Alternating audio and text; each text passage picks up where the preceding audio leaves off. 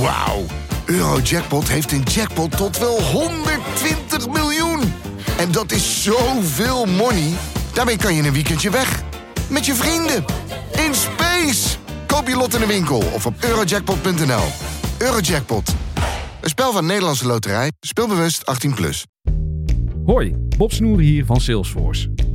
Herken jij dat ook? Die onstilbare honger naar vernieuwing, verbetering en verbinding. Ontdek dan nu het nieuwe seizoen van Aanjagers.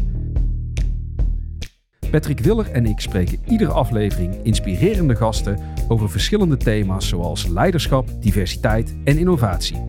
Luister Aanjagers via je favoriete podcastplatform en abonneer je vandaag nog. Aanjagers, de podcast voor mensen die durven te veranderen.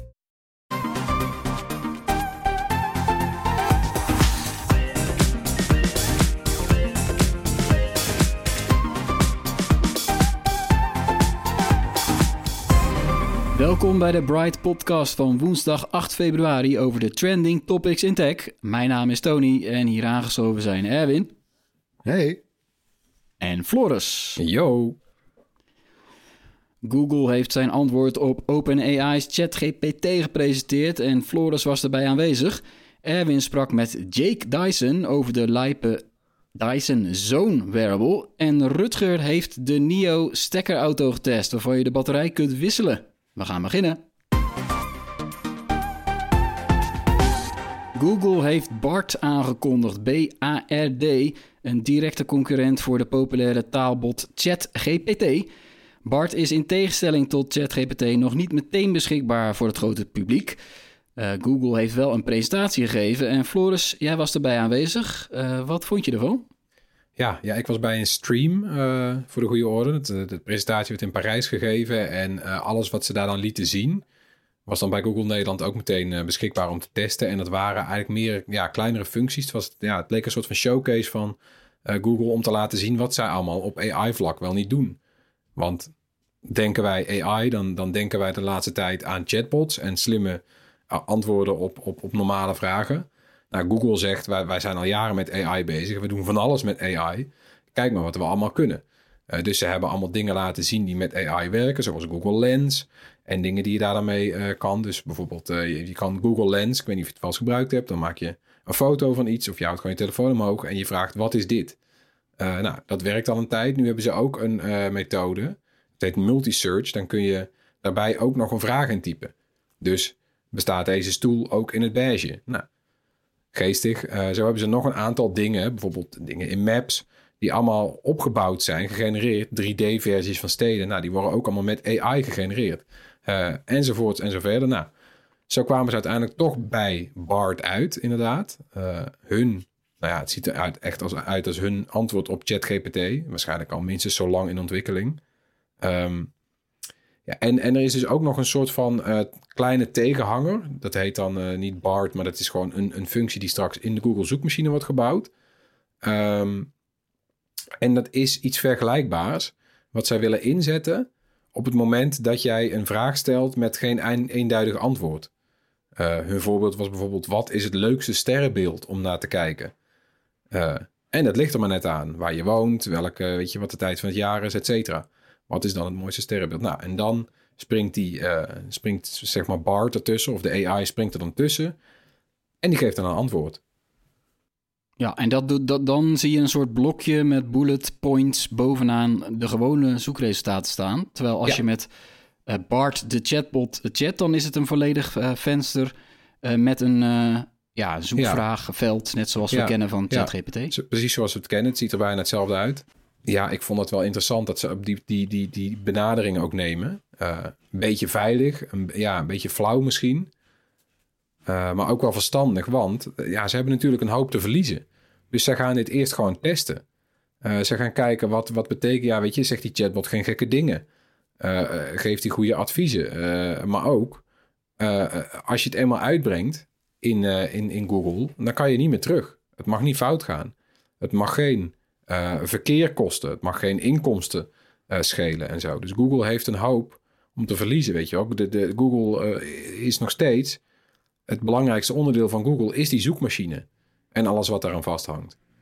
Dus ze kunnen het zich niet eens permitteren alleen, om, om dat om zeep te helpen.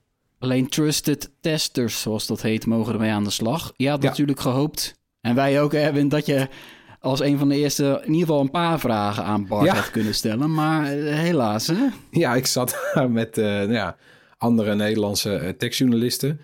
Eh, de, de allemaal bekende collega's van me. En wij zaten daar allemaal van, nou, eh, wanneer gaat het gebeuren? Maar toen hadden we Jullie hadden een lijstje tevoren- vragen voorbereid. Ja, er waren allemaal mensen en die hadden ook bedacht van, nou, we, we, we gaan een hele podcast eraan wijden. En dat, nou, dat hadden wij natuurlijk ook een beetje bedacht. Eh et cetera. Mensen die hele artikelen hadden, hadden voor, voorgekoud met, met, met achtergrond. Eh, die dachten, dat vullen we nog even aan met, met wat, wat Bart dan te zeggen heeft. Nou, eh, dat zat er niet in. We mochten niet, ja, we mochten, we mochten niet proberen. Dat doet Microsoft wel anders, denk ik. Hè? Microsoft laat mensen straks wel de chatbot proberen in Bing. Ja, Microsoft, eh, die, ehm, eh, ik, ik zag een gaaf interview met eh, de CEO Nadella en Patel, die van Verge. Want die heeft inderdaad eigenlijk, ja, ze noemen het nog steeds Bing. Dat was ook grappig, in dat gesprek sloten ze af met Ja. die Patel die een vraag stelde. Dit van, was het ja, moment. waarom heet het nog steeds Bing? Ja. Hè, had je niet beter misschien een andere naam kunnen bedenken, maar... ja. ja, maar goed, laten we het even voor het gemak dan Bing eh, 2.0 noemen. Ehm, en een, beetje dezelfde lijn als Google. Dus als je gaat zoeken hier bij Bing, dan komt daar aan de, aan de rechterkant eh, komen suggesties, er komen lijstjes. Daar, daar is zeg maar die, die taalbot eh, actief. Ehm, hij zal ook in de browser actief worden. Ehm, maar het grappige daarvan is, is dat ja, Microsoft was er veel opener in. Die zal ook eh, eerder zo'n test openstellen, ver- verwacht ik. En, maar ja, het is ook een beetje wat Floris zei. Kijk, Microsoft heeft... We hebben het hier over het search domein, hè, het zoekdomein. Dat is het grootste, meest lucratieve domein op het hele internet. We hebben het hier over miljarden aan dollars. Waar Google het levendeel van de markt in handen heeft. Met Facebook nogal eens een aardige tweede, denk ik. Maar, en dus ja, Google heeft inderdaad heel veel te verliezen. In dat, in dat, in dat gesprek noemden ze Google ook de, de 800-pound gorilla. Die, eh, ja, die, die en, en, en Microsoft vond ik wel, wel stoer. Die, die, ja, die komt er ook gewoon voor open, eigenlijk voor, voor uit. Van, ja, eh, wij kloppen aan de deur. Hè, ja, dit, deze intrede van die taalbots van, van deze generatie van AI... eh, dat, dat, het zet de deur open naar echt een heel nieuw, een nieuwe ronde eigenlijk. Waar, waarin eh, Ja. ook Microsoft gewoon weer alle kansen heeft om, om de bovenliggende partij te worden. En Google dus inderdaad alle kansen heeft om heel veel te verliezen. Het is echt Defcon 1 daar zo en terecht. En eh, ja, er wordt al gesproken over hè, dat, dat dit misschien ja, na de start van het web en, en de komst van Google en de komst van een iPhone bijvoorbeeld als, als iconische mijlpalen Ja. in de afgelopen, wat is het, 25 jaar. Dat, ja, dit is weer zo'n punt. ja, want als wij een half En- jaar geleden hadden gezegd... Wat, wat is de bedreiging voor Google... dan hadden wij niet gezegd Microsoft Bing. Nee, nooit, nooit. Nee, ja, dit is allemaal nog zo vers eigenlijk. Maar ja, en dan valt me dan, valt me dan op. Hè. Google zegt dat ze 400 miljoen eh, erin steken. Ja, Ja. eh, hallo, eh, Microsoft steekt er 10 miljard in. Ja, Ik bedoel, Nou ja, Google is er ook al heel lang mee wel bezig. weet je Eh, wel, dat dit. klopt. Het is maar Google menens. heeft er eigenlijk En, ook geen echt belang bij. Hè? Dus Google leeft natuurlijk van, van zoekresultaten, linkjes die je moet aanklikken... waar bedrijven een advertentie voor plaatsen om bovenaan te mogen staan. Als je straks meteen het antwoord al krijgt... ga je ook minder vaak doorklikken naar die advertenties... en naar de normale sites ook. Dus het is ook gewoon nog slecht nieuws voor heel veel bedrijven... die Ja. spullen verkopen via Google. Oftewel, alle bedrijven doen dat. Weet je wel? ja. ja ik heb Nou ja, kijk, ja. Ook, ook Nadella die zegt... eh, hè, Nadella zegt dan eh, van ja, daar gaan wij natuurlijk... eh, daar gaan we rekening mee houden. We zorgen dat publishers en zo, eh, uitgevers... ja, dat, die, dat die er wel aan blijven verdienen. Dat adverteerder, eh, advertentiepartijen eraan blijven verdienen. Want anders mogen we ook niet meer crawlen op het web. Hè? Mogen we niet meer scrapen en Precies, ja. eh, content ophalen voor de trainingen. Ik weet niet, wat, wat zei Google daarover, maar Floris? Nou, ik, heb dat, eh, ik sprak Liz Reed via videoverbinding. Dat is zeg maar de, de baas van Google Search eh, intern. En ik heb haar gevraagd van, ja, hoe voorkom je nou eh, eh, want Google zal er ook al diep over na hebben gedacht. Die weten van, we gaan dit nu testen. Ze gaan dit nu testen met die, met die, met die testers. Nou, er komt een moment, waarschijnlijk vrij snel, dat die functie live gaat, ook op Google. En ik vroeg, wat, wat, wat doe je om te voorkomen dat Google dan eh, geen one-stop shop wordt, zeg maar? Want nu is Google altijd de doorgeefluik, startpunt van internet voor heel veel mensen, Ja, maar je klikt verder. Je klikt verder naar nieuwsites, naar, naar, naar productvergelijkingssites, naar reizen, whatever. Maar als jij gewoon kan vragen, waar moet ik naartoe op vakantie? Vind de perfecte reis voor mij. En dat doet hij. Weet je wel? Of nou, et cetera, et cetera. En zij zegt, ehm, mensen willen altijd authentieke antwoorden. Dat, dat kwam het voor hun op neer. Ze zegt dus, Google zal nooit een one-stop shop worden... omdat mensen altijd authenticiteit zoeken. Eh ze had een persoonlijk voorbeeld. Ja, ik vind het gelul. Ik, ik, ik, ik snap wel wat ze zegt. Ik denk dat dat deels ook waar is in die zin dat Google laatst heeft gezegd dat hun grootste concurrentie, voordat dit allemaal over AI ging, was toen eh, TikTok en Instagram. Het zijn plekken waar mensen bijvoorbeeld eh, in plaats van op maps gaan kijken om te zien wat is er vet in, de, in, in, in een stad waar ik op bezoek ben. Want dan zie je wat, wat echte mensen tof vinden in plaats van al die eh, SEO-getrainde sites en zo. Daar is wel iets voor te zeggen. Maar ik denk ook dat Google gewoon... ja, Google laat niet in zijn kaarten kijken. Die willen gewoon graag zelf Nou, nee, regisseren ik- ik wanneer vind het, gelul. Weet je waarom? Kijk, de, de- Google doet al aan eh, AI in zekere zin. Een, een veel eh, onschuldigere vorm. Hè? Als jij nu ook iets zoekt en je zoekt bijvoorbeeld een, eh, een specifiek feit, hè, dan, dan zie je al bovenaan al een tekstsamenvatting staan. Mhm. Hè, van, van, een, van, een, van een hele goed, goed gerankte pagina, waar dus zeer waarschijnlijk het antwoord staat. Ja, En dus dan klik, dan klik je al Ja. niet eens meer. Hè, laat staan als, als dat nog eens even een factor 3 beter wordt. ja. Nee, ik, ik vind het gelul. Je, dat, eh, dat, eh, dat zeggen ze natuurlijk om, alle, om de vrede nog te bewaren. Ja. Maar dit, dat gaat onherroepelijk gebeuren. Alleen de vraag is nog steeds... ook Ja, wat dan? Want dan droogt die put op, toch? Nou ja, kijk, dat wordt, dat wordt gewoon een soort een hele nieuwe ronde aan onderhandelingen ook. En het kan best zijn, en daar, daar liggen dan kansen voor Microsoft, dat die zeggen van nou oké, nou wij- doen wat meer water bij de wijn dan Google. En, dan, eh, en waardoor Bing een betere search engine wordt. En eh, ik vond het ook heel treffend. Nadella zei dat heel mooi.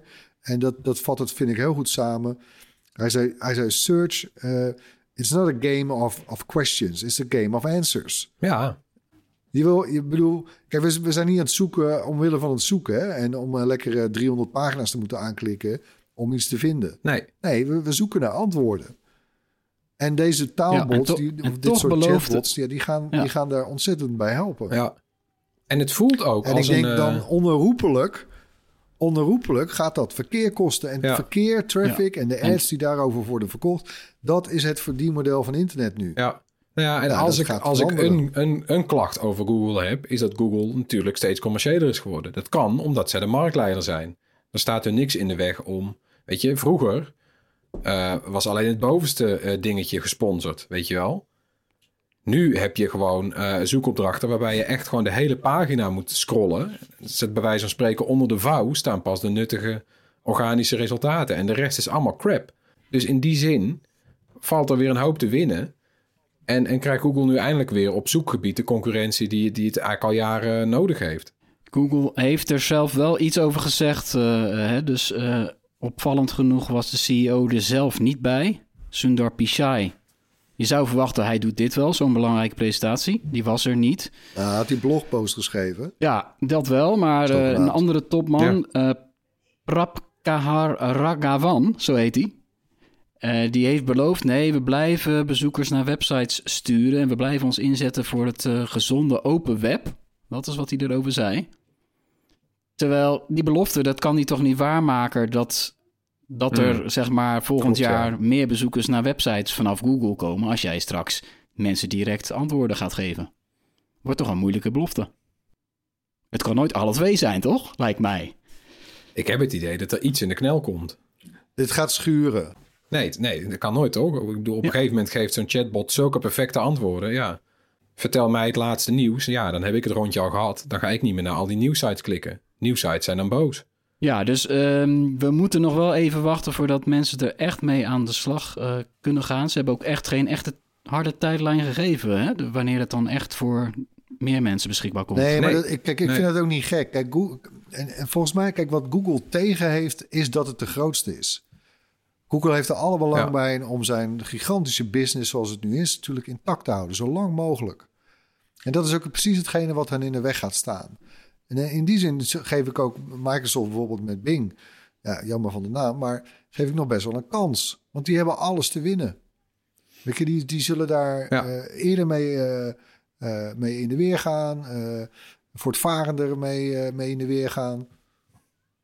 Ja, dat wordt lachen. Dat wordt echt een gigantische strijd. Ja, Maar die, ja die gaan risico's Ja. nemen. Die gaan echt de grens die opzoeken. zullen enorme blunders en flaters gaan maken en daar eh, heel veel negatieve PR over krijgen. Want antwoorden die natuurlijk helemaal verkeerd, Ja. racistisch, vooroordelen, gaat allemaal gebeuren. Want dat gebeurt altijd met elke Ja, AI-toepassing. Ja, maar het gaat ze niet zo interesseren. Het maakt ze niet uit, want Microsoft verdient zijn geld daar nog niet mee. En, en dan hebben we nog een heel klein dingetje wat ook met AI en Google te maken heeft. Eh, want eh, er was ook iets gelanceerd, eh, of in ieder geval gezegd dat er komt naar Nederland. Wat ook met AI te maken heeft, namelijk Google Maps eh, Immersive View. Zag er wel echt cool uit. Ja, Schrijf eens. deed mij denken aan die 3D, eh, 3D-view van Apple Maps. eh, eh, deed het mij aan denken. Dus ze hebben dan ook een hele mooie 3D-view. Eh, als voorbeeld werd ook het Rijksmuseum gebruikt. Dus je kan dan het Rijksmuseum van alle kanten al bekijken in gedetailleerde 3D. Je hebt zo'n extra flyover. Dus als jij een trip gaat plannen, kan je al kijken hoe ziet het daaruit. Eh, en het leuke is, zij trekken dan met AI alles erbij. Dus je kijkt dan daar naartoe. En je kan ook zeggen, hoe ziet het Rijksmuseum eruit eh, op die en die dag om vijf uur 's avonds. Nou, krijg je precies die belichting. Die krijgt dan ook het voorspelde weer er alvast bij. Dus nou, het regent dan. Rijksmuseum in de regen in het donker. En je krijgt ook de verwachte drukte erbij. Dus je krijgt alles in één keer. En het ziet er ook heel futuristisch uit. Dus dat vond ik wel echt een hele toffe toepassing. Nou, het is toch wel cool dat wij dan als Amsterdam een van de eerste steden wereldwijd zijn die die functie Ja. mag gebruiken. Binnenkort, nog niet, maar... Ja, want je hebt Barcelona, Berlijn, Frankfurt, Londen, Parijs, zulke soort steden. Maar, maar Amsterdam staat er ook bij, eh, inderdaad. Later dit jaar. Onze gast deze week is niet ter plekke aanwezig, maar Erwin die had vorige week een interview met Jake Dyson, de zoon van, over Dyson's nieuwe wearable en die heet de Zoon. Zoon en Zoon. Dat is wel leuk, hè? De zoon van de zoon van. Ja, de Dyson Zoon dus. Mooi, hè? ja, ze klein zo, maar toch Ja, niet. want even, hè, eh, de, de, de baas, de oprichter van het bedrijf is James Dyson, Sir James Dyson, dankjewel. Zijn zoon is ook actief, is ook een engineer eh, en ook actief dus in het bedrijf. En die heet Jake. En daar had ik een interview mee, naar aanleiding ook van de zoon. Eh, wat de zoon, wel ja, wat is dat voor ding, hè? Ja, mijn god. Eh, het is nogal een eh, spektakelstuk eigenlijk. Eh, het, eh, als, je het, als je het eenmaal ontleed, is het eigenlijk heel simpel. Een koptelefoon met actieve ruisonderdrukking en een luchtreiniger. Ja, bizar. Een actieve Bizar. luchtreiniger. Maar, maar die luchtreiniger, die, die, die, de lucht komt via een soort vizier of... Ja, ik, ik kreeg al, ik zag al opmerkingen bij mijn YouTube-video van... Ja, een vizier zit voor je ogen. Eh, dus nou, noem het dan misschien een luchtbeugel, zo'n zo'n buitenboordbeugel. Hè, die Ja. eh, hè, als een soort zo'n zo'n integraal helm met zo'n stuk voor je kin, zeg maar. Ja, Zo, Oh ja. zo ziet het er een beetje uit. Eh, dus je hebt en audio en lucht. Ehm, of zoals, zoals Jake Dyson het mooi zei, hè? pure air ja, en, en pure music. ja, ja. Maar goed, ja, het is nogal een fors ding. Met, eh, ja, met echt een heel uitgesproken design. Want, hè, even nog voor jou, voor, voor iedereen's beeld. eh, waar komt die luchtreiniging nou vandaan? Nou, dat gebeurt, dat zijn hele kleine motortjes. Hè? Dat is uitgerekend waar Dyson ja, groot mee is geworden. Omdat ze hele sterke motortjes heel klein hebben kunnen maken. In de stofzuigers, in de kruimeldieven, in de, enzovoort. Die zitten in de schelpen van de koptelefoon. En die pushen dat ding via, via die, die mondbeugel, die buitenboordbeugel beugel, eh, richting je luchtwegen. Hè, bij je neus en je mond. Eh, en dat maakt ze ook een beetje konisch, die, Ja. eh, die schelpen. Ja, want er zit Maar- gewoon iets bovenop eigenlijk. Je hebt een soort extra laag bovenop je koptelefoon. Ja, er zit gewoon een motortje in elke Ja. schelp. Nee, dus eh, ze zijn daardoor wat konisch, hè? Een, beetje, beetje puntig. Eh, hier op de redactie werd meteen gedacht aan de, aan de BH van Madonna, eh, way back, weet je nog? Eh, eh, hoe heette die ontwerper ook weer? Ja, dat Ja. weet ik niet eens. Nee, nou ja, maakt niet uit. Eh, jawel, eh, Jean-Paul Cortier, dankjewel. Eh maar en, en die zien er wel mooi uit. hè. Het is mooi aluminium zo. eh, het, ziet er ook iconisch uit. Eh, dus, maar goed, het is nog wel... Ja, het is echt een uitgesproken design. Maar goed, toen Dyson, die zoon, vorig jaar eh, vorig jaar maart was dat, aankondigde. Ja, toen dachten wij hier op de redactie allemaal dat het een 1 Ja. april grap was. Yeah, you're not alone. Yeah, no, I Um, I took it out onto the streets of London. Yeah, uh, onto a very busy street in Regent Street, actually, and um, I had two taxi drivers pull up next to me. Um, one of them said, "One of them said, what is that on your head? You know, that's crazy. You know." Um, the other one said, "Oh my God, that's really sci-fi. What is it?" you know. So it was uh, an immediate reaction to something I think that's quite Blade Runner, something that's very, very far ahead, uh, something that's going to shock people, something that you haven't seen before. Ja, het, het choqueerde ja, ons publiek eigenlijk ook. Hè? De, de reacties onder jouw video. Ja, Die logen er niet om, hè? nee, dat was echt heftig. Nee, Nou, dat ja, hadden we ook wel een beetje verwacht, maar toch. Jawel. Nou ja, kijk, maar goed, het zit hem in, in, in hoe uitgesproken dat ding eruit ziet natuurlijk. Maar ook in de prijs, hè, voor alle duidelijkheid. Want, hou je vast, de Dyson Zone kost 849 euro. En sure, ja, we, we weten dat Dyson nooit echt goedkoop is. Eh, ik vind de kwaliteit doorgaans ook best wel goed. Maar ja, eh, zeker geen goedkoop merk. Maar voor een koptelefoon zit je met zo'n bedrag toch echt wel een beetje aan de bovenkant van de markt natuurlijk. Hè? Een Sony 1000X, eh, ja, die kost maar 350. Dat is een populair model, raden wij ook aan in onze koopgids. Maar goed, de AirPods Max van Apple, eh, dan heb je het al over 630. Ga je naar Bang Olufsen bij de Beoplay H95 bijvoorbeeld. Echt ook een topding, maar 750 euro. Hallo. Ja, en Dus- dan alleen voor audio, zonder luchtreiniging. Ja. Nou ja, de, de grote vraag natuurlijk wel, waarom? Waarom doet, doet Dyson zoiets geks? Now we we've obviously designed it and invented it because through our research and the millions of purifiers we have out there in the world, uh, and many of them are connected, we're able to see the levels of pollution that are on a street level uh, that end up coming into people's homes. Um, and with local pollution monitoring sensors, we're able to overlay that data. So we have a very, very strong understanding of the uh, severe levels of pollution around the world on a street level. Um, and coupled with that, there are also pollutants uh, and issues in areas such as public transport. Um, aeroplanes, for example, tube trains are awful, subway stations. Um, so, and we also recognize that in all of these areas, people are listening to music.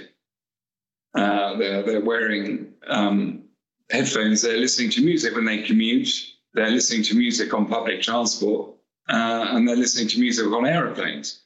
Ja, dus eh, simpel gezegd, eh, Dyson weet hoe je lucht moet reinigen. Eh, daar zijn ze goed in. Ja. Eh, de slechtste lucht is buiten en in het eh, publiekelijk eh, vervoer, openbaar vervoer, vliegtuigen. En daar luistert men dikwijls muziek. Ja. Dus hij zei hadden gewoon zoiets van, ja, eh, 1 plus 1 is 2. ja, kat en bakken, ja, logisch. Maar ja, ik denk meteen motortjes in- vlak bij mijn oren. Eh, Gaat hè, dat wel goed? Ja, dan gaat het wel goed, maar eh, hoor je dat dan niet? Of horen omstanders dat ook? Of hoe, hoe zit dat? Ja, nou, hij, hij- ik heb hem daar ook naar gevraagd. En hij vertelde ook dat daar, eh, dat daar eigenlijk de meeste ontwikkeling in is gegaan. Want die ruisonderdrukking die moet immers niet alleen het omgevingsgeluid wegdrukken, maar ook het geluid hè, op een bepaalde frequentie van, van die motortjes in je oorschelp, waar je, Ja. die je pal op je oor hebt zitten. Dus ja, dat was ook het, hetgeen waar ik het meest benieuwd naar was eh, in die hands-on sessie, die eerste test voor mij. En nou, ik heb hem. eh, hè, dus je hebt eh, even voor alle duidelijkheid. De luchtreiniging, je hebt vier standen uit en dan drie standen met de derde stand het zwaarst. Dus de meeste luchtcirculatie. En je hebt ook eh de ruisonderdrukking, de ANC, eh, uit en eh, aan, uiteraard. Ja. Ehm, en ik had hem eerst getest met de luchtreiniging aan, muziek aan en de ruisonderdrukking uit. Ja, ja. Nou, dan, dan, ja, dan hoor je ze wel. Niet, niet prominent, niet, pff, het overstemt het niet of zo, helemaal niet. Maar in, ja, op de achtergrond, ja, Hoor je een constant ja dan, dan hoor je inderdaad iets, ruisje. ja. Ja. Eh, storen, nou ja, ik denk dat ik wel snel inderdaad de ruisonderdrukking dan aan zou zetten. Want dat heeft dus ook wel degelijk meteen effect op dat geluid van die motortjes. Die vallen die, weg. Die, ja, nou, die vallen niet helemaal weg. Uh-huh. Zoals we wel gewend zijn nu van recente AirPods Pro of zo. Of, Ja. of van Bose, die betere, de Ja, betere het, modellen. ja, dan kan je in de Die trein... zijn en echt goed. Dan hoor je de airco niet meer. Nee. Nou, en ik, ik, hoor, eh, ik hoor er buitenom maar niks meer. Maar die motortjes hoor je dan heel minuscuul nog wel. Ja. Een voordeel, eh, of nou voordeel, eh, wat het minder erg maakt. Het geluid, dat geluidje is dan heel monotoon. Ja. Dus dat, ja, daar, je raakt eraan gewend. Je begint Ja, het niet meer.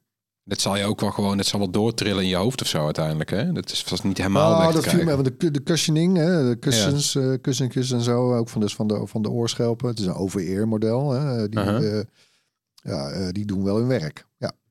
En nog even voor, mijn, voor, voor, en voor het beeld van mensen die misschien nog niet gezien hebben. Dat, dat maskertje, want het is niet zo'n soort beenmaskertje. Het is niet helemaal over je neus en mond heen. Je neus en mond zijn in principe nog best wel vrij te zien. Hij maakt geen contact met je gezicht. Nee. Althans, ik had in het begin maakte hij dat bij mij wel, maar ik had het nog niet door. Want net als de koptelefoon, hè, waarvan je natuurlijk vaak die stengel zo een beetje kan uitschuiven om Ja. eh, de maat van je hoofd te zoeken. En ook waar je oren zitten op je hoofd, hè, dus in de hoogte. Zo kun je ook die beugel voorop, eh, die luchtbeugel, eh, kun je een beetje uitschuiven of naar je toe schuiven. Ja, precies. En dat had ik in het begin nog niet door.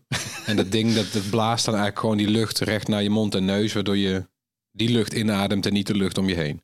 Ja, sterker, hij, hij was daar echt wel heel stellig over. Hè, want eh, eh, eh, die, die, die luchtbeugel, het geldt niet als coronamasker trouwens, maar dat is omdat hij jouw luchtwegen niet afdekt. Ja, hij ja. was er stellig over dat, dat dit ding veel beter werkt dan menig coronamasker, mondmasker. In de zin van dat jij schone lucht binnenkrijgt. Ja, omdat de- lucht die je binnenkrijgt, die is door het filter op je oren getrokken. Daar zit zo'n HEPA-filter in. Ja. Eh, die haalt allemaal kleine deeltjes eruit. Ja. En dan komt dat gefilterde, eh, die gefilterde lucht wordt op jouw Fijnstof, stikstofdioxide, eh, allergenen. Ja. Wel een opvallende uitspraak over corona. Want volgens mij, ja, dat moeten we ook aan, kunnen aantonen als hij dat zegt dan, toch? Nou, ik vroeg, nou ik, ik vroeg hem op de man af. Ik zou van, zou je liever een corona mondmasker dragen of deze Dyson Zone? Nou, hij was eh, meteen, eh, ja, ja, ik kan zeggen, uiteraard Ja, zegt hij dan ja. de zoon, maar nou ja, hij was daar wel stallig over. Eh ander dingetje ook nog wel interessant, eh, hè, want ja, zo met zo'n met, met van die motortjes in je oren. Wat doet het dan met de batterijduur? Ja, goeie. Nou, de batterijduur van die Zone is maar liefst 50 uur. Oeh. Maar dat is dan audio only. Zodra je die luchtreiniging aan gaat zetten, ja, dan gaat dat heel hard naar beneden. Dan heb je het over circa vier uur. Oh ja. Vind ik nog meevallen. Dat is Ja. niet slecht. Kijk, er zijn natuurlijk wel, hè, ik heb dat ook in mijn video eh, nog even genoemd, eh, er waren eerder mondmaskers met actieve luchtreiniging. Ja, van, er zit er gewoon zo'n klein ventilatortje in. Oh, was dat Ja, dat van- ding van Razer die jij toen De had? Razer Ja. Bijvoorbeeld, eh, de AirPop Active Plus. eh, Philips had er ook een, de Fresh Air Mask. Kost allemaal zo rond de 100 euro trouwens. Ja, nou, dat, dat, daar, daar haalde je vaak niet eens... Ja, de heenreis in de trein ging nog wel, maar de terugreis was die al leeg, bij wijze van spreken. Ja, maar dat, maar dat waren veel kleinere dingetjes ook, ja. Ja, voilà. Ja. Ja. Hij is dan wel, hij is dan weer binnen drie uur helemaal opgeladen. Ja, eh, Erwin, eh, wij wonen alle twee in Amsterdam. Dat is de stad in Nederland met de slechtste luchtkwaliteit. Ehm, Rotterdam zal niet ver daarvan af zitten trouwens. Hè? dat is echt, Nee. eh, ja, dat is niet best. Dat is niet best. Eh verhoogde hoeveelheden fijnstof en eh, stikstofdioxide in de lucht. Ja, da- da- da- daar denk je niet vaak eh, bij, eh, bij na, want dat zie je niet. Maar dat, dit is eigenlijk best wel een probleem wat Dyson hier toch aankaart. Laat staan alle andere wereldsteden waar het nog veel erger is. We're also running a program which we've done in London and in other territories where we're providing students with backpacks which have very sophisticated pollution sensors within them. I've read about that, ja. Um, and it's, it's all part of our research to understand the pollution in, in many sort of territories and countries around the world. Ja, dat zijn van die, eh, ze noemen dat de backpack-studies. eh, die Dyson dan laat, eh, laat doen. Eh, dat is in januari ook in Amsterdam gebeurd, Tony, waar wij wonen. Eh, en dat, ja, het bevestigt eh, eigenlijk eh, ook bestaande metingen. Hè, want dat eh, gebeurt vanuit overheidswegen ook natuurlijk. doorlopend. Ja, als je er een les hebt, want je zegt het wel terecht, het, is iets wat je niet ziet. Eh, dus ja, tenzij het echt stinkt of zo, dan eh, is het heel, ja, niet, niet snel bedreigend. Eh, maar goed, de les die je eruit kunt leren is wel van, als, je, als je wandelt of, of fietst door de stad, eh, ja, vermijd eigenlijk zoveel mogelijk verkeer dat uit, uitlaatgas achterlaat. Want daar, daar schiet het dus allemaal omhoog. Ik kijk zelf wel eens in de, de weer-app van Apple. Dat is misschien een tip voor de luisteraars. Daar staat Ja. dat namelijk gewoon in, ook met een kaartje, Ja, LKI eh, eh, hoe de luchtkwaliteit is. Ja. kwaliteitindex. Ja, dat is wel heel goed. Want het zijn inderdaad dingen, ja, daar heb je niet acuut last van. Het is eigenlijk net als roken. Het is, het is, op termijn slecht. Als je gewoon heel lang dat, die lucht inademt. En ja, je, je merkt het ook aan mensen die wel bijvoorbeeld een longaandoening hebben, astma, COPD of zo. Die krijgen het acuut zwaar in zulke omstandigheden. Is het, is, Waarvoor trouwens de Dyson te gek product eh, is, precies. lijkt mij. Kan, me, kan me voorstellen dus dat het... het, het eh, is wel degelijk een serieus probleem. Dus het, het is een vreemd product. Eh, mensen reageren er... eh, Voor een onderschat probleem. Ja, het is een heel Ja. serieus probleem. Mensen reageren geschokt over de prijs, over hoe gek het eruit ziet. Weet je wel, want daar ga je toch niet mee lopen. Ik denk dat dat ook veel Nee, maar dat, dat Ja. hebben we natuurlijk eerder gehoord. Hè? Daar ga je er niet meer lopen. Ik weet nog de AirPods. Je kan het je bijna niet meer voorstellen. Mensen vonden AirPods belachelijk toen ze uitkwamen. Echt belachelijk. Nou, het heeft denk ik een half jaar geduurd voordat... eh, Maar dit is wel wat heftiger dan de Apples hoor. Eh, Ik denk niet dat het meer het kaliber Google Glass is. denk toch? ik ook. Denk het ook wel. Maar toch, eh, eh, ik wil maar zeggen, het kan gek lopen. Ja, ik had trouwens over het, eh, de, die backpack-studies. Er komt ook nog een vervolg. Eh, ook weer in Amsterdam. ehm, eh, waarbij dan Dyson eh, luchtreinigers in eh, scholen gaat plaatsen. Ah. Eh, en ja, ze hebben daar al wat eerste, wat eerste eh, metingen gedaan. En ja, die wijzen dan uit dat er meer ja, ventilatie nodig is. Hè, en, dat, eh, en eigenlijk een advies wat we al kennen uit de coronajaren. Ja, precies. Want toen bleek dat het eigenlijk best wel slecht gesteld was in al die klaslokalen. Ja. Ik had tot slot nog één leuke vraag voor hem. Is it, by the way, it's it's not like oxygen levels get too high, right? So you actually become high. No, we, we don't. cleaning, right? It's just cleaner. No, we don't increase the oxygen or decrease. You're, you're, you're, you're still breathing the correct levels that are provided in your environment. Yeah.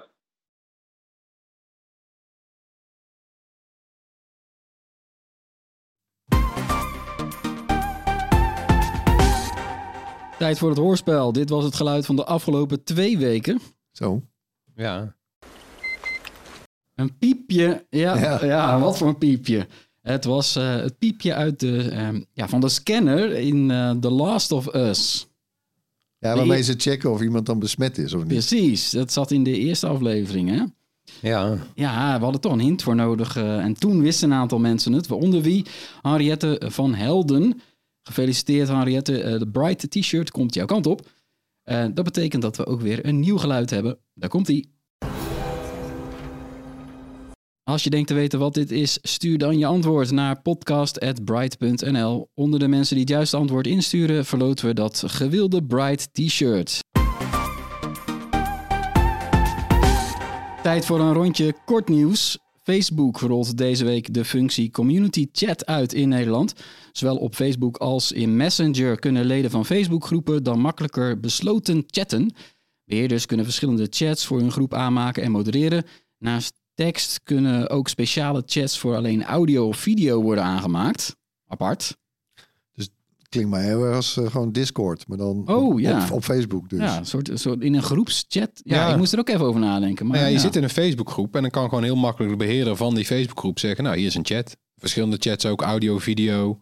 Ja, want ik vind eerlijk gezegd, ik ben de laatste tijd wat actiever op Facebook, met name in groepen. En ja, het is, eh, ze hebben dit eigenlijk echt wel nodig. Ja, voor ook dienstmededelingen en zo. Ja. Daar, daar kan je ook kanaaltjes voor maken als beheerder. En dit gaat ook vrij ver, want je kan als beheerder kan je ook gewoon modereren in die, in die chats. Dat Ja. is wel lekker. Dus en je mensen kan bannen. hè, mensen bannen. Je kan ook die tag van Facebook gebruiken, die automatische detectie voor ongeoorloofde dingen. Dus dan zeg je gewoon, nou, ik wil dit allemaal niet hebben. En dan worden Ja. mensen automatisch gekikt. Nou, best wel lekker. De meeste van die groepen, daar worden gewoon eh, ja, dingen ge- gepubliceerd door, eh, door leden van de groep. Dus je krijgt dan in je feed tussendoor, ik ook, ik zit in allerlei groepen en dan wordt er weer een foto geplaatst en, of een linkje. Eh, maar ja, sommige van die groepen kunnen dan misschien ook iets live gaan doen als er, als er een goede gelegenheid is. Ja, als je fan bent van een voetbalclub of zo en je zit in dezelfde Facebookgroep. Ja, ik Ja. vind vooral altijd irritant dat ze... Ze kiezen altijd voor relevante berichten. Een soort van AI-samenvatting van hè, de berichten waar de meeste engagement op was of zo. Ja. En, Dat klopt. terwijl ja, ik heb ook groepen. Ik wil gewoon elk bericht zien. En, en ik moet elke keer als ik die groepen zoek, moet ik die setting... Hmm. Ja, Nou je- ja. ja. dan klik je op de, ja, dan moet je doorklikken naar de groep.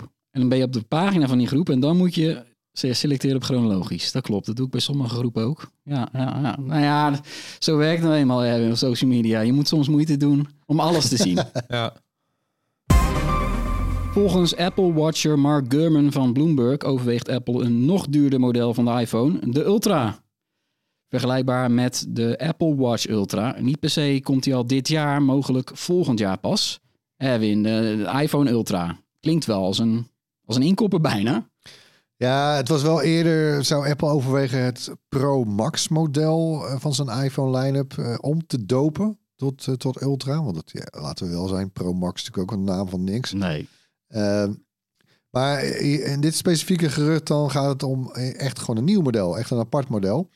Eh, gemaakt ook bijvoorbeeld van, of bijvoorbeeld gemaakt van titanium, ook net als die Apple Watch Ultra. Ja. Het is ook een speciaal materiaal. Geen aluminium of roestvrij nee, nog duurder eh, materiaal. Eh, ja, ik weet niet, ergens klonk het mij ook een beetje als nieuwsbriefvulling voor Gurman. Hè? Want ja, Ja, je moet Ja, elke week elke wel iets uit zijn hoed toveren. ja voor, de, voor de luisteraar, elke zondag ja, publiceert hij een, app, een, een nieuwsbrief wat met name over Apple gaat. Ja. ja. Ja, hij is een beetje de Apple Watcher van Bloomberg. En, Ja. Hij heeft wel goede bronnen op zich. Dus hij heeft, hij heeft regelmatig gelijk. Maar ja, het, hij schiet zo met hagel dat je soms denkt, nou, dit is gewoon even... Ja, soms duurt het gewoon heel lang voordat die dingen die hij zegt eh, er Ja, en als je, zijn, alles, hè? als je alles voorspelt, zit er altijd wel iets bij wat uitkomt. Maar Maar goed, ik, waar ik, wel, eh, ik werd wel echt eigenlijk enthousiast eh, toen ik een hele toffe render zag. Dus van een Duitse ontwerper, Jonas Darnert. Eh Daner, Darnert, nou ja. Eh, ja, moeilijke naam. en die heeft ook die titanium uitvoering, zeg maar, mooi eh, erin verwerkt. En hij is dan iets dikker dan de huidige iPhones. En de, de knop hebben van die accentkleuren, net als op die Apple Watch Ultra. Die extra, die, die tweede knop. Ja, ja, dat ziet er wel, oh man, die ziet er goed uit, zeg. En ik zal hem even delen in de, in de show notes, de link Ja, de linkje. Had hij dan dat gerucht gelezen en ging hij meteen aan de slag dezelfde avond? ja dat doet Zoiets, dat, ja. denk ik. Want hij was er hij heel snel bij, ja. Ja, Ja. opvallend. Ja, want Tim Cook die zou dus ook gezegd hebben, daar komt het vandaan tegen investeerders, van nou ja, volgens ons zit er dus nog rek in de zaak. Zij zien ook bij Apple die pro-iPhones, ook al zijn ze steeds duurder, ja, die, die blijven maar aanslaan. Ja, precies. De vraag was van, zouden mensen bereid zijn nog meer te betalen voor een Ja. iPhone? En iedereen en je moeder, die schreeuwt natuurlijk altijd, ja, ze zijn wel te duur. Maar ja, sorry, maar mensen kopen die dingen gewoon. En, en hij zei ook, ik zei van, ja, ik Ja. denk het wel. Ja, ja, en zij zien die Ultra natuurlijk ook. De Ultra is dubbel zo duur dan de, de normale eh, eh, Apple Watch. Ja, en dat ding dat gaat alsnog als broodjes over de toonbank. Disney overweegt meer van zijn films en tv-series aan concurrerende bedrijven te verkopen. Daarmee zou de entertainmentgigant van zijn strategie afstappen om eigen films en series alleen op de eigen streamingdiensten Disney Plus en Hulu aan te bieden. Het bedrijf wil zo meer geld verdienen aan zijn mediaproducties. Disney staat eh, financieel onder druk omdat zijn streamingdiensten in het derde kwartaal van vorig jaar een verlies van anderhalf miljard dollar maakten. Oef, jemig. Eh, wel wist de Disney Plus in hetzelfde kwartaal ruim 12 miljoen nieuwe abonnees aan zich te binden. Dat wel. Ja, Maar ja, dit zet mijn hele beeld van streaming wel weer een beetje op zijn kop natuurlijk. Want ja, ze hebben eerst jarenlang overal alle, alle- allerlei series gestopt op, eh, weet je, de Marvel-series bij Netflix. Ja. Allemaal afgebouwd. En, nou, oké, dan neem Ja, maar als ze, dat niet, als ze daar weer van afstappen, waarom zou ik dan nog Disney Plus nemen, toch? ja. Ja, voor alles. Dat is volgens mij het idee. Voor alles en alles wat nieuw is van hun. Maar ik kan me voorstellen dat ze denken, ja, dan gaan we wat van onze oudere films gewoon, wat ze vroeger deden, weet je wel, met die Disney-kluis. Af en Nou aan. ja, die anderhalf miljard dollar verlies. Ik denk dat daar eh, het hem zit. Eh, Ja. ja. dus we moeten toch geld verdienen. Eh, dat is wel een probleempje, denk ik. Terwijl het met de abonnees wel goed gaat. Dus het is wel echt gewoon een succes, toch, Disney Plus? Ik vrees weer hogere prijzen. Tarieven. En dan de NIO ET7, een opvallende Chinese stekkerauto die je kunt opladen of je laat hem bij een speciaal tankstation eh, omwisselen, de batterij. In vijf minuutjes heb je een volle accu. De, de battery swap, ja, net zoals bij een eh, Formule 1 pitstop. Klinkt spannend. Ja, daar wisselen ze de wielen. Hier dan Ja. eh, je accu. Ja. Ja, hartstikke leuk idee. Eh, Rutger die, die test hem momenteel in zijn duurtest. Hè. Elke maand test Rutger een nieuwe auto voor ons. Doet hij echt al 11 jaar, geloof ik.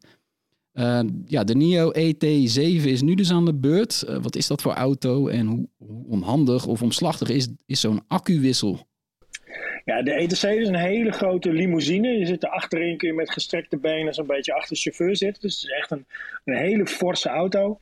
En de party trick is inderdaad dat je die accu kunt wisselen. En voor een boel mensen die niet elektrisch rijden, is dat een soort heilige graal. Want die denken dat je met een elektrische auto eindeloos bij een laadpaal staat te wachten altijd. Nou, in de praktijk valt dat nogal mee. Want over het algemeen rijd je niet meer dan de actieradius van je auto op een dag gemiddeld. En bij een langere rit, ja, dan wil je toch op een gegeven moment ook wel een hapje eten. En dat die dan aan een laadpaal staat, is eigenlijk wel prima. Dus het, het, het heeft niet per se een heel groot voordeel. Ook, er zijn in Nederland nog maar drie van die wisselstations. In China al veel meer. Uh, maar ja, goed, het moet ook net op een handig punt in je reis, moet dan het wisselstation natuurlijk uh, zijn. Maar wat wel weer geinig is, je kunt dus het hele jaar door met de wat kleinere accu rijden, de 75 kilowattuur. En dan voor de vakantie een maandje met de duurdere rijden, waar je dan ook tijdelijk wat meer voor betaalt. Dus dat is wel een leuk, uh, een leuk voordeel van het feit dat je die accu kunt Nou, swappen. dat is wel handig, ja. Ja. En is, is die accu dan ook soort van in bruikleen? Dus heb je de auto gekocht en de accu hoort er niet bij? Of? Ja, dat is dus ook meteen een soort van duivels dilemma bij die auto. Je kunt hem dus kopen inclusief de accu, maar als je dat doet, dan kun je ze niet wisselen. Of je kunt de auto kopen zonder accu en dan betaal je een maandelijks abonnement en dan kun je ze wel wisselen. Maar ja, goed, is een beetje afhankelijk van uh, of je maandelijks die accuhuur wil betalen of in één keer dat bedrag wil afschrijven. Ja, precies. Maar ja, daarna heb je dus mis je die feature wel. Dat is een beetje, een beetje listig.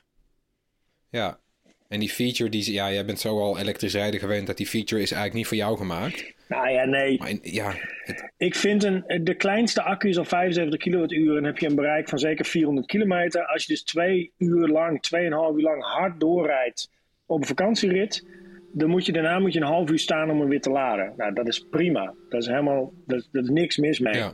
En is het fijner om een 100 kilowattuur accu te hebben eh, die je in vijf minuten om kan wisselen? Nou, ik kan me een situatie voorstellen waarin dat zo is, mits dat wisselstation op een praktische plek zit. ja, precies. Want die moet wel soort van naast de weg zitten, net als een tankstation. Anders dan ben je nog steeds... Ja, nou goed, ze, een soort van je, ze zit op zich ja, wel... moet je er rekening mee Ja. houden. Want dat is hetgeen wat, wat mensen niet willen, toch? Mensen willen geen rekening houden met dingen. Nee, dat is een beetje ingewikkeld. Kijk, die auto's kunnen ook gewoon langs een snellader. En er zijn gewoon veel meer snelladers dan dat er wisselstations zijn. En ik wil, als ik op vakantie ben, wil ik 2,5 uur rijden. En dan wil ik laden of wisselen. Ja, de kans dat op mijn route Ja, na 2,5 uur rijden precies een wisselstation staat, is op dit moment nog niet zo groot natuurlijk. Nee, precies.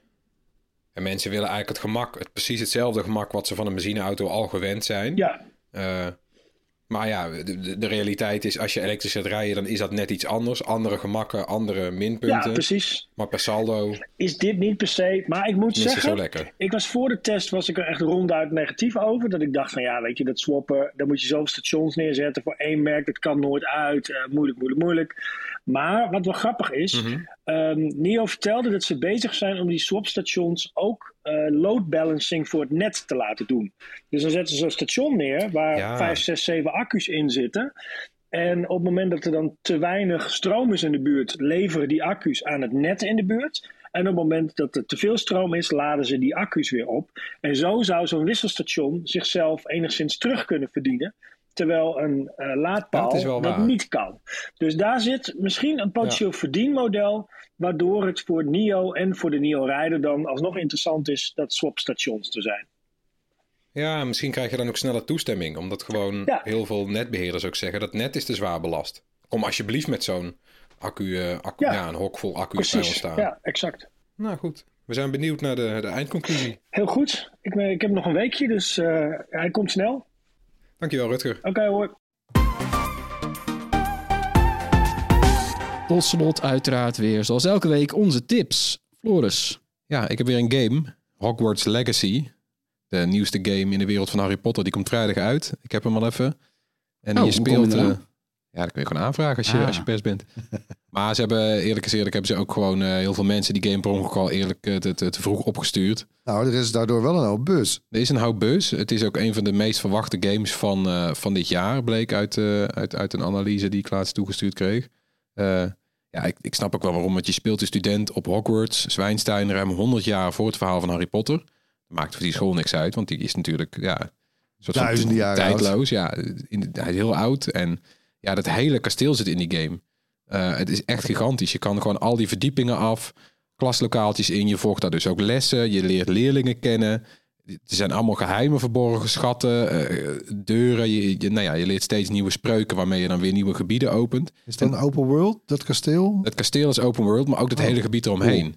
Dus Oh, je hebt de bergen eromheen, eh het do- dorpje Hogsmeade, nou, nog veel meer. Allemaal dorpjes en dingetjes eromheen. Het is ongelooflijk gedetailleerd. Overal zitten geintjes in verborgen. Het is eigenlijk het is geen vernieuwende game, dat dan niet. Het doet, het, ja, het doet weinig nieuws, maar het doet wel precies wat je eigenlijk zou willen als, als Potter-fan. Het is de ultieme Potter-game. Is Het helemaal... vooral puzzel, puzzel solving dan? Of? Nou, van alles. Je, je kan vechten met spreuken. Ja, je hebt ook van die, van die vechtspreuken natuurlijk. Je hebt puzzels die je op kan lossen. Je hebt, je hebt eh, opdrachtjes die je moet doen. Lessen die je moet volgen. Allemaal minigames, zeg maar. Elke les is een minigame. Je bent ook wel een soort speciale leerling. Maar je komt, ja, je komt op ongelooflijk veel plekken die ook in die film zitten. Ja, het is, het is, eh, het is voor de Harry Potter fan eh, precies wat je zou willen. Het klinkt wel als eh, wel iets wat een gigantische hit kan gaan worden. Maar ik geloof dat we dat een paar jaar geleden ook zeiden van de, de Pokémon Go-clone rond Harry Potter. Ja. Wat is daarmee gebeurd? Ja, dat was gewoon, dat Was was, het net niet. Nee, dat was het net niet. En dit is op zich voor de, ik denk voor de, voor, voor de meeste, eh, nou ja, niet hardcore gamers, want daar is het ook op gericht. Gewoon de mensen die ze nu en dan een spelletje spelen, is dit echt een hele leuke, complete game. Wat, Is het er nog een age rating op? Of niet?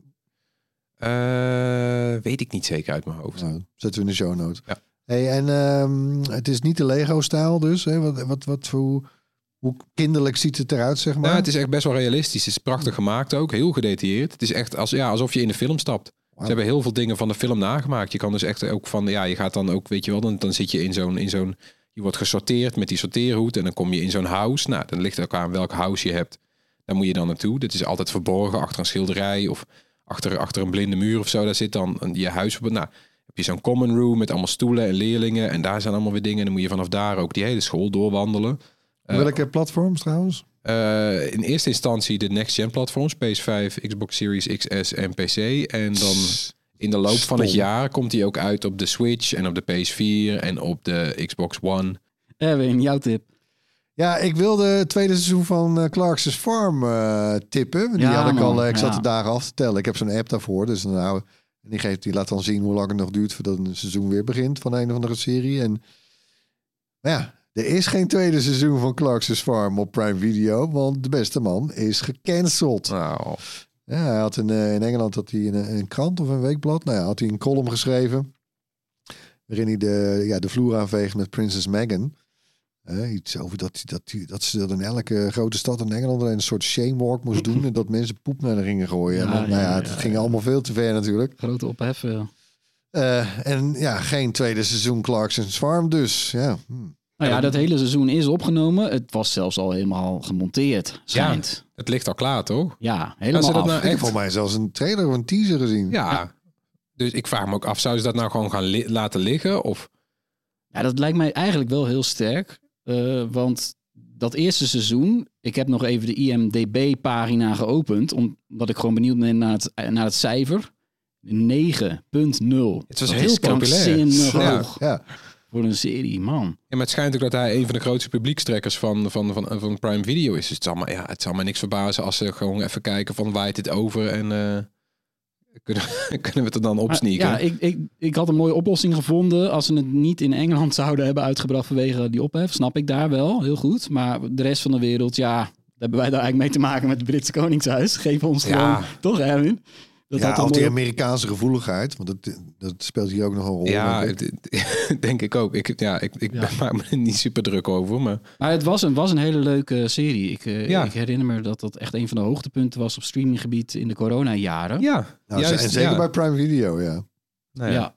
ja, ja. jammer. Wie Dat weet. is een, Helaas. eh, ja, dus eh, niet Heb, jij- gaan- heb jij dan misschien wel een tip? Dus Tony? jouw tip is eigenlijk niet gaan zoeken, want er is geen tweede serie, toch? Dat is, ja, precies. Niet dat je denkt van, hè, waar, waar is die- blijft hij nou? Ja, Ja. Nee, die komt dus niet, voorlopig niet. Ik heb iets wat je wel kan streamen, eh, sinds vandaag notabene. Eh All That Briefs op HBO Max. Dat is een eh, poëtische docu over twee broers, Indiaanse broers, die een vogelziekenhuis runnen in New Delhi. Nou, over luchtkwaliteit gesproken, waar we het net over hadden. Een Ja, vogelziekenhuis, een hè? vogelziekenhuis. De- de- dat is een stad in India, dat is echt gewoon de, slechtst, slechtste op het gebied van luchtkwaliteit. Volledig door smog verstikt. Eén grote troep natuurlijk. Eh, ook een eh, stad waar het gigantisch onrustig is eh, tussen bevolkingsgroepen. Ehm, ja, en in, midden in, daarin heb je twee broers die zetten zich in voor het redden van de roofvogel, de zwarte wouw. W-O-U-W. Ja, ja, dat is dat? Ja, ja. Heel mooi dier is dat zeg. En die valt dus gewoon letterlijk uit de lucht door de milieuvervuiling. Dus echt verschrikkelijk. Eh, maar deze documentaire is zo mooi ge- gefilmd, ge- geëdit, zelfs de muziek. Ja, het is, het is- ja, je weet eigenlijk niet wat je, wat je ziet. Het is iets heel anders dan Een goede normaal. tip weer van jou, Tony. Ik ga Ja. deze zeker kijken. Die is Hij heel is anders. genomineerd voor een Oscar, maar die, die ehm, rubriek documentaires, er zijn nog vier andere genomineerd, die zijn ook dit jaar zo ontzettend goed. Ik Oh. durf niet te voorspellen of All That Briefs het haalt, maar de boodschap is ook, ja, het is zo mooi. Het is echt, eh, Waar is dit te zien? ja, op HBO Max. Mooi. Ja, bedankt weer voor het luisteren. Laat gerust iets van je horen. Mail ons op podcast.bright.nl of drop ons een DM op een van onze socials. Tot volgende week. Bye. Doei.